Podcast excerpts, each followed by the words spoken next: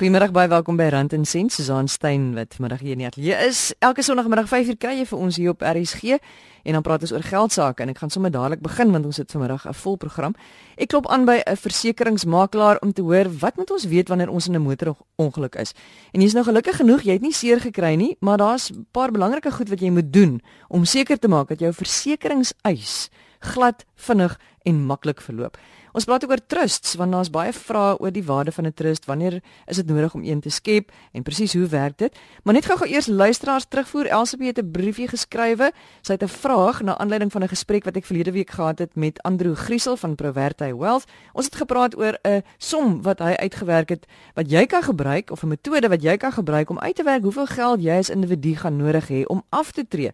En hy het 'n sekere bedrag genoem en Elsabie wou geweet het van watter bedrag praat hy. Maar luister net gou-gou weer wat Andrew sê.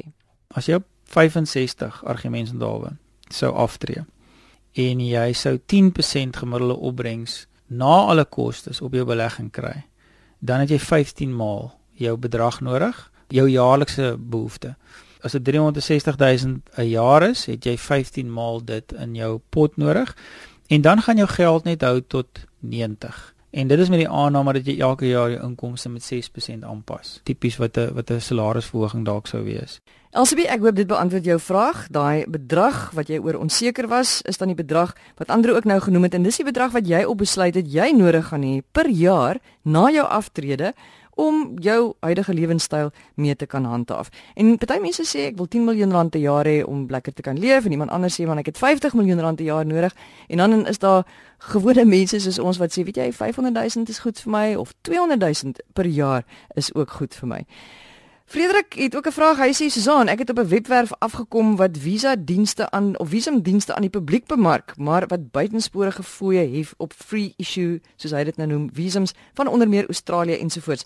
Hy sê die maatskappy wil voorgee dat die fooi wat deur hulle gehef word, gegrond is op die betrokke land se visumkoste struktuur vereistes en hy wil weet waar kan hy dit gaan aanmeld.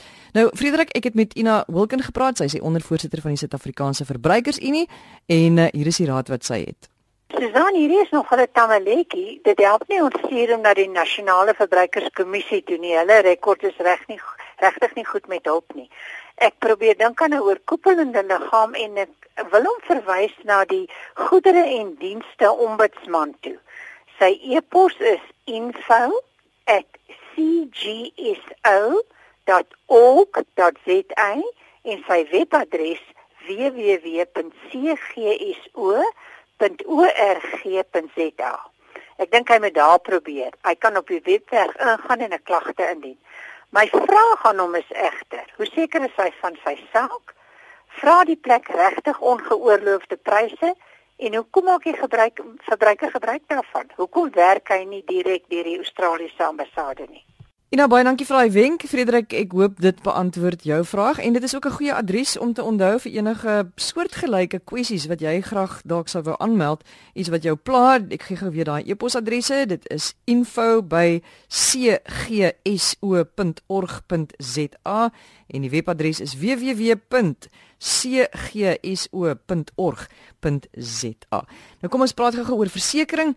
Uh, ek het uh, vroeër in die week 'n draai gemaak by Annelie Smith. Sy is die korporatiewe hoof van RBS Versekeringsmakelaars en ek wou by haar weet of sy vir ons 'n paar punte kan gee of 'n paar wenke kan gee van dinge wat ons in gedagte moet hou as jy in 'n motorongeluk is en jy het nou nie seer gekry nie en uh, daar's 'n paar dinge wat jy moet doen om seker te maak dat jou versekeringseis vinnig en glad verloop. Wat jy heel eers moet doen natuurlik is om te stop. Jy sal nogal verbaas wees as jy hoor hoeveel mense ry dalk weg van 'n ongeluk af want hy dink is net 'n fender bender as ek dit nou so kan noem, maar dit is baie belangrik om te stop en natuurlik uit te vind wat het gebeur in daai situasie en ook om rondom te kyk of daar dalk enige iets is wat die situasie kon vererger het of laat gebeur het soos byvoorbeeld dit het gereën en ek kon nie vinnig genoeg stop nie en so meer en so meer.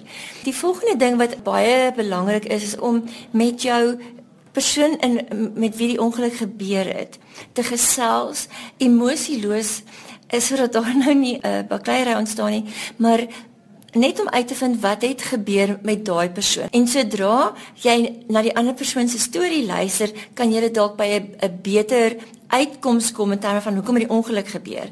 Sodat as dit by uitbetaling kom daar nie argumente is tussen twee versekeringsmaatskappye oor wat het gebeur nie. Neem dan ook foto's soveel as wat as wat jy kan op, terwyl die na, by by die ongeluk en nie net so seer van jou motorvoertuig waar jy nou kan wys okay hierso daai ou my gestamp en hier's die stamp en en daar's daai die stamp aan die derde party se voertuig nie maar ook rondom die um, omstandighede. As dit nou byvoorbeeld op die highway op die hoe weg was. Waar um, het dit gebeur? Was dit nou die twee van die uh, van baan verwissel het? Het hy op 'n reguit streep voorbeeld jy probeer verbygaan?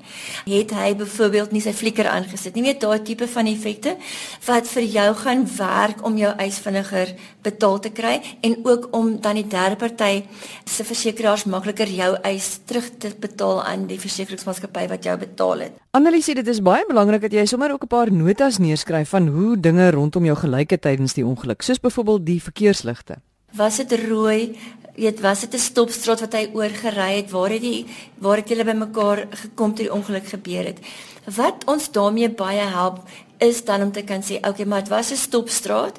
Hierso staan die voertuie op 'n sekere manier en as daai persoon gestop het by die stopstraat dan kan daai ongeluk nie so gebeur het nie.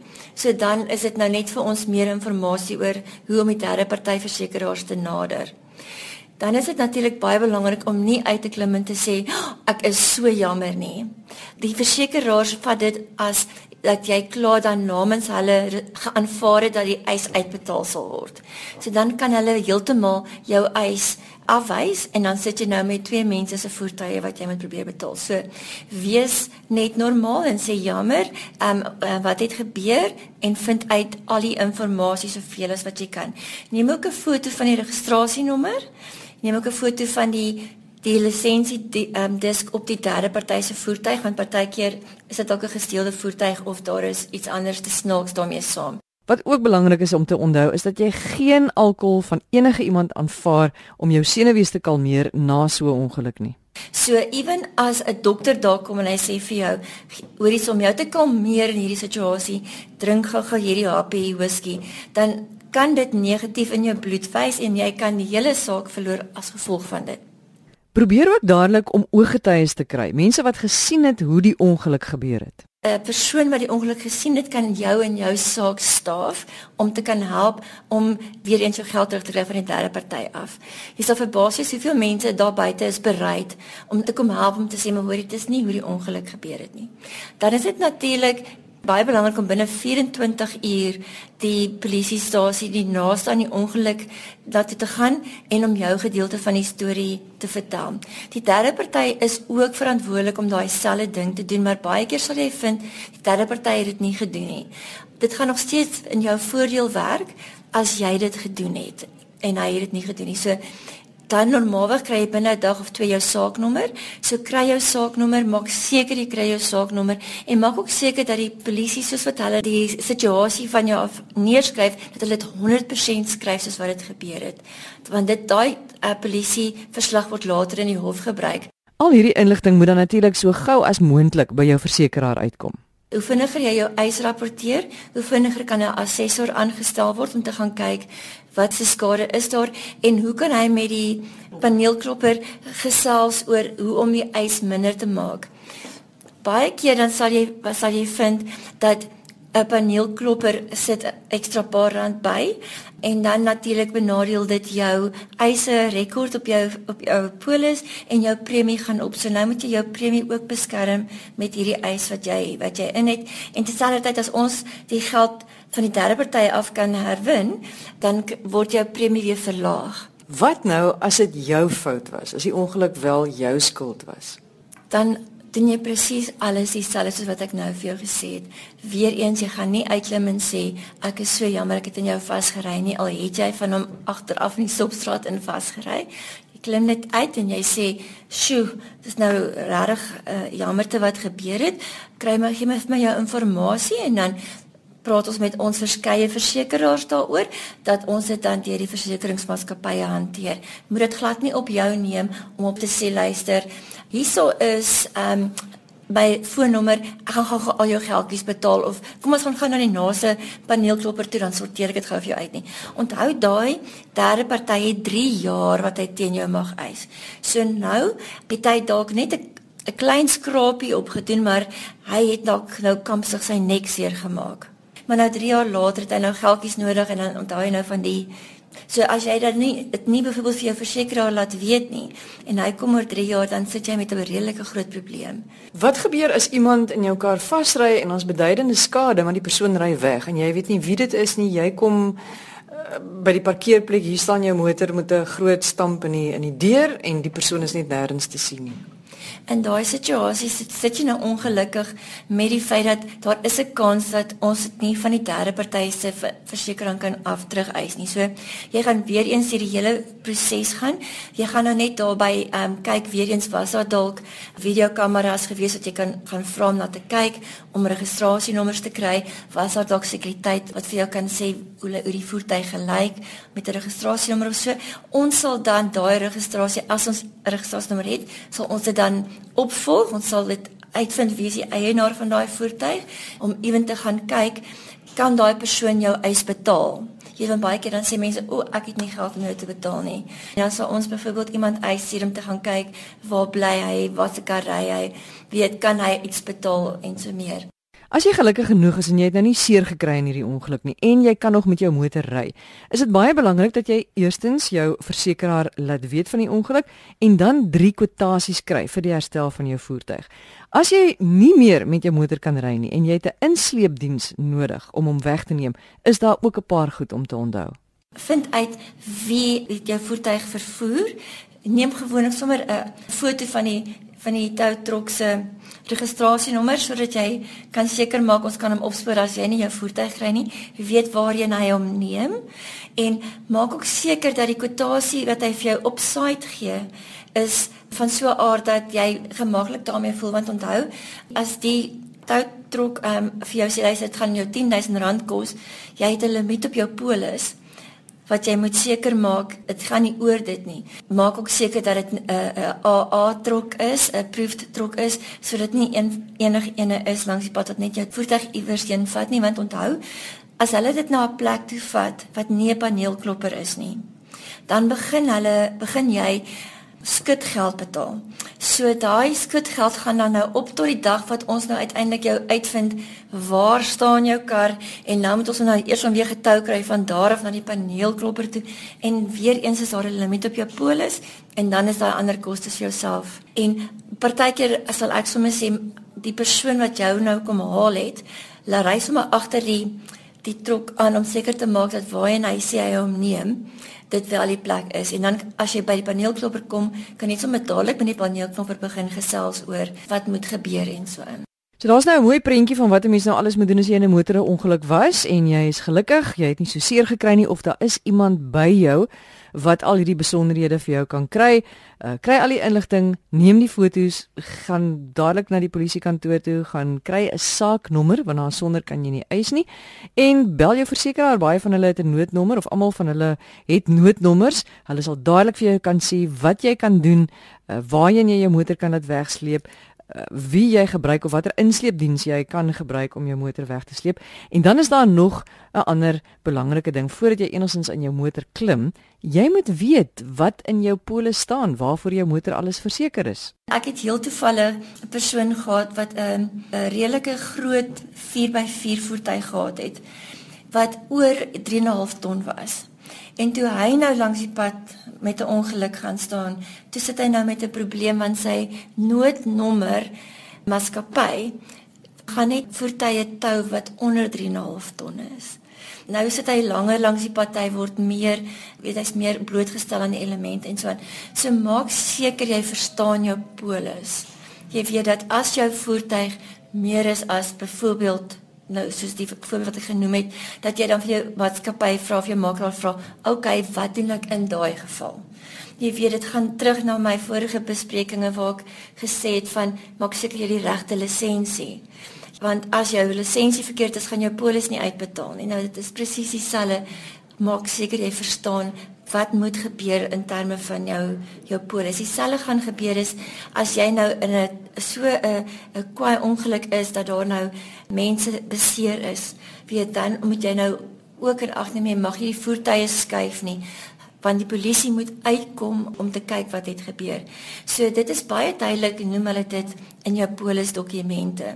Dit was Annelie Smith, sy is die korporatiewe hoof van RBS Versekeringsmakelaars. Ons gaan nou gou praat oor trusts. Baie mense skryf en sê ons is bietjie onseker oor trusts. Moet ons een skep? Wat is die voordele? Wat is die nadele?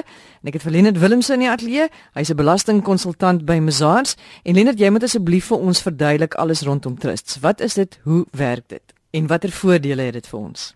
Susanna Trust is spesifiek 'n uh, amper al vir batebeskermings entiteit met afsonderlike regsentiteit. Met ander woorde, indien daar bates in 'n trust is, behoort dit aan die trust.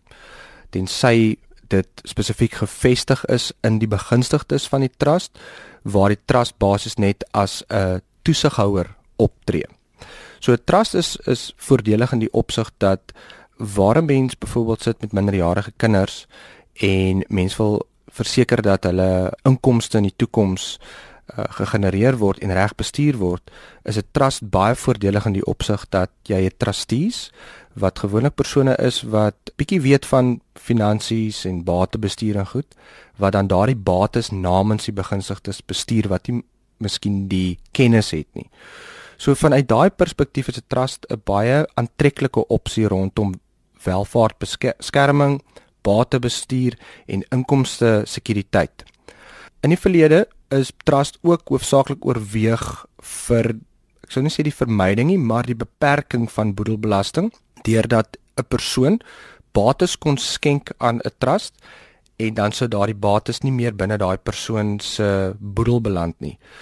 Nou daar is gerugte en sprake dat die regering kyk na maniere hoe om dit te verander. Ons is nog nie seker wat daardie uh meganisme gaan wees nie. Ons sal heel waarskynlik 'n bietjie inligting kry nou in Junie wanneer die konsepwetgewing uitkom. So daar is vanuit 'n belastingoogpunt uit minder aantreklikheid rondom 'n trust. Wat mense moet onthou is dat 'n trust kan in die trust kapasiteit belas word en tans is dit 45% indien inkomste nie in die begunstigdes gevestig word nie. Nou wat bedoel ek met vestig? Vestig beteken jy as begunstigde het 'n onvoorwaardelike reg op daardie inkomste. En as 'n mens sit met 'n trust waar die inkomste volgens die diskresie van 'n trustee uitgekeer word, dan moet die trustees daai diskresie uitoefen in dieselfde tydperk wat die inkomste gegenereer word sodat die begunstigdes belas word. Byvoorbeeld, kom ons gestel sit met 'n klomp minderjarige kinders en elkeen word op die op die laagste marginale koers van 18% belas as die trust inkomste genereer en daai inkomste kanaliseer af na die begunstigdes toe, dan word elke begunstigde op 18% belas. Indien daai inkomste egter in die trust bly, met ander woorde dit word nie gevestig in die begunstigdes nie, dan word die trust belas op 45%. So is baie belangrik dat mense trust reg bestuur en verstaan hoe 'n trust funksioneer. En nou wil ek vir jou vra, hoe funksioneer 'n trust? Goed, trust word hoofsaaklik bestuur deur die trustees. So hulle is in effek die bestuurders, die direkteure. So hulle het 'n sekere mandaat wat deur die trust akte bepaal word. Die trust akte sal natuurlik wees soos 'n konstitusie, 'n stel reëls, 'n wet wat bepaal wat die trust mag en nie mag doen nie. Nou tipies die trust akte sal bepaal dat die persoon wat die trust gestig het, het sekere bates aan die trust beskikbaar gestel en dat dit die trustee se verantwoordelikheid is, is om daardie bates tot die beste van hulle vermoë te bestuur en tot voordeel van die begunstigdes. Die trust akte sal ook stel wie is die begunstigdes? Is dit minderjarige kinders? Is dit 'n gade? Wie ook al, dit mag dalk 'n liefdadigheidsorganisasie wees. Daar's 'n wye spektrum van begunstigdes. En Daarvolgens moet die trustees dan seker maak dat die doelwitte van die trust akte en uiteindelik die trust bereik word. So die bestuur daarvan, die funksionering daarvan, is hoofsaaklik die verantwoordelikheid van die trustees. So wanneer ek besluit om 'n trust te stig en ek stel my trustees aan, dan moet dit al mense wees wat ek veilig mee voel, wat ek kan vertrou, wat ek kan seker maak hulle gaan sorg vir my nageslagte. 100%. Dit is ontsettend belangrik dat mense die regte persone kry as trustees wat weet wat dit behels, wat hulle verantwoordelikhede is en ook natuurlik jou belange op die hart dra en so ook die begunstigdes. Mense met 'n bietjie finansiële kennis, dit is gewoonlik ehm um, iemand wat baie insig het tot 'n trust wat tipies sal gebeur en uit ons ondervinding uit mens het gewoonlik baie nabye familievriend as een van die trustees, dan 'n finansiële adviseur en dan 'n derde onafhanklike persoon wat spesialiseer in trust soos 'n prokureur of 'n belastingkenner en so voort. So mense het 'n 'n goeie balans rondom die trustees. En betaal jy die mense? Die trustees kan um, vergoeding kry. Die trust akte sal gewoonlik bepaal wat die vergoeding is. Dit hang natuurlik af alles wat die trust akte bepaal en wat die stigter van die trust wou gehad het rondom vergoeding vir trustees. Jare gelede of 'n paar jaar gelede was 'n trust nogal, ek wil amper sê die inding. Jy weet jy het altyd hmm. gehoor die familie het 'n trust en daai familie. Maar julle sê dit verander 'n bietjie. Trust is nie meer wat hy was 15 jaar terug nie. Hoofsaaklik oor die volgende. Vanuit 'n belastingoogpunt uit wat gebeur het is dat hulle maak gebruik van wat mense noem die geleibuis beginsel. Met ander woorde, as 'n trust argumentsdalwe aandele besit en die aandele genereer dividende, dan word die dividende gekanaliseer na die begunstigde. So hy behou sy aard as 'n dividend. En 'n dividend is vrygestel van normale belasting. Dit sal net onderhewig wees aan dividendbelasting wat tans 20% is. Waarna hulle kyk nou is om te sê nee, die dividend behou nie sy aard nie as jy inkomste kry van 'n trust af, is dit inkomste belasbaar teen jou marginale koerse. Het sy dit bestaande dividend of rente of huur of wat ook al. So dis nog 'n bekommernis want uit daai oogpunt uit kan dit dalk dan moontlik gebeur dat die begunstigde nie belas word asof dit 'n dividend is nie. So hulle kan daai voordeel verloor. Wat ook op hierdie stadium gebeur is waar daar lenings gemaak word aan trusts, het sy teen geen rente of teen 'n lae rentekoers. Met lae rentekoers bedoel ek iets laer as markverwant, gewoonlik minder as 8 of 7% op die stadium. Dan is daar sekere implikasies rondom die persoon wat die lening gemaak het. Sekere inkomste kan na hulle toe toegereken word. Daar kan skenkingsbelasting wees. Daar's 'n hele rits van teenvermydingsbepalings wat dit dan 'n bietjie ongunstig maak rondom trusts. Nou, as ek net vanmiddag luister, hoe gaan en ek oorweeg nou al hierdie goed. Hoe gaan ek nou weet of ek nou 'n trust moet hê of nie? Ek dink die belangrike vraag wat 'n persoon vir hom of haarself moet afvra is, wat wil ek bereik met die trust? As dit is ten opsigte van batebeskerming, of welstand vir my nageslag, dan sal 'n trust nog steeds 'n goeie opsie wees. Die manier waarop bates binne 'n trust kom en hoe die trust dan uiteindelik funksioneer, hoe dit inkomste genereer, vestig aan die begunstigdes, sal dan die belasting implikasie daarvan bepaal. Maar ek dink jou primêre vraag moenie wees kan ek 'n trust gebruik vir belastingvoordele nie. Ek dink jy moet meer daarna kyk soos wat dit eintlik aan die begin was. Is gaan ek vir my nageslag iets kan nalat? Gaan ek bates kan beskerm en gaan ek welvaart kan skep in 'n trust? Dit moet jou beginpunt wees wanneer jy 'n trust oorweeg. Lenet, baie dankie vir jou moeite om in te kom. Dis Lenet Willemse, hy's 'n belastingkonsultant by Mazars. Nou moet ons groet, maar nou as jy enige vrae het of enige voorstelle het, asseblief deel dit met ons of as jy dalk duur finansiële lesse geleer het of goeie finansiële lesse. Die e-posadres susan@rsg.co.za. Dis S U Z A A N by rsg.co.za. Ek hoop dit is 'n wonderlike week vir jou en ons doen dit volgende Sondagmiddag 5uur weer. Totsiens.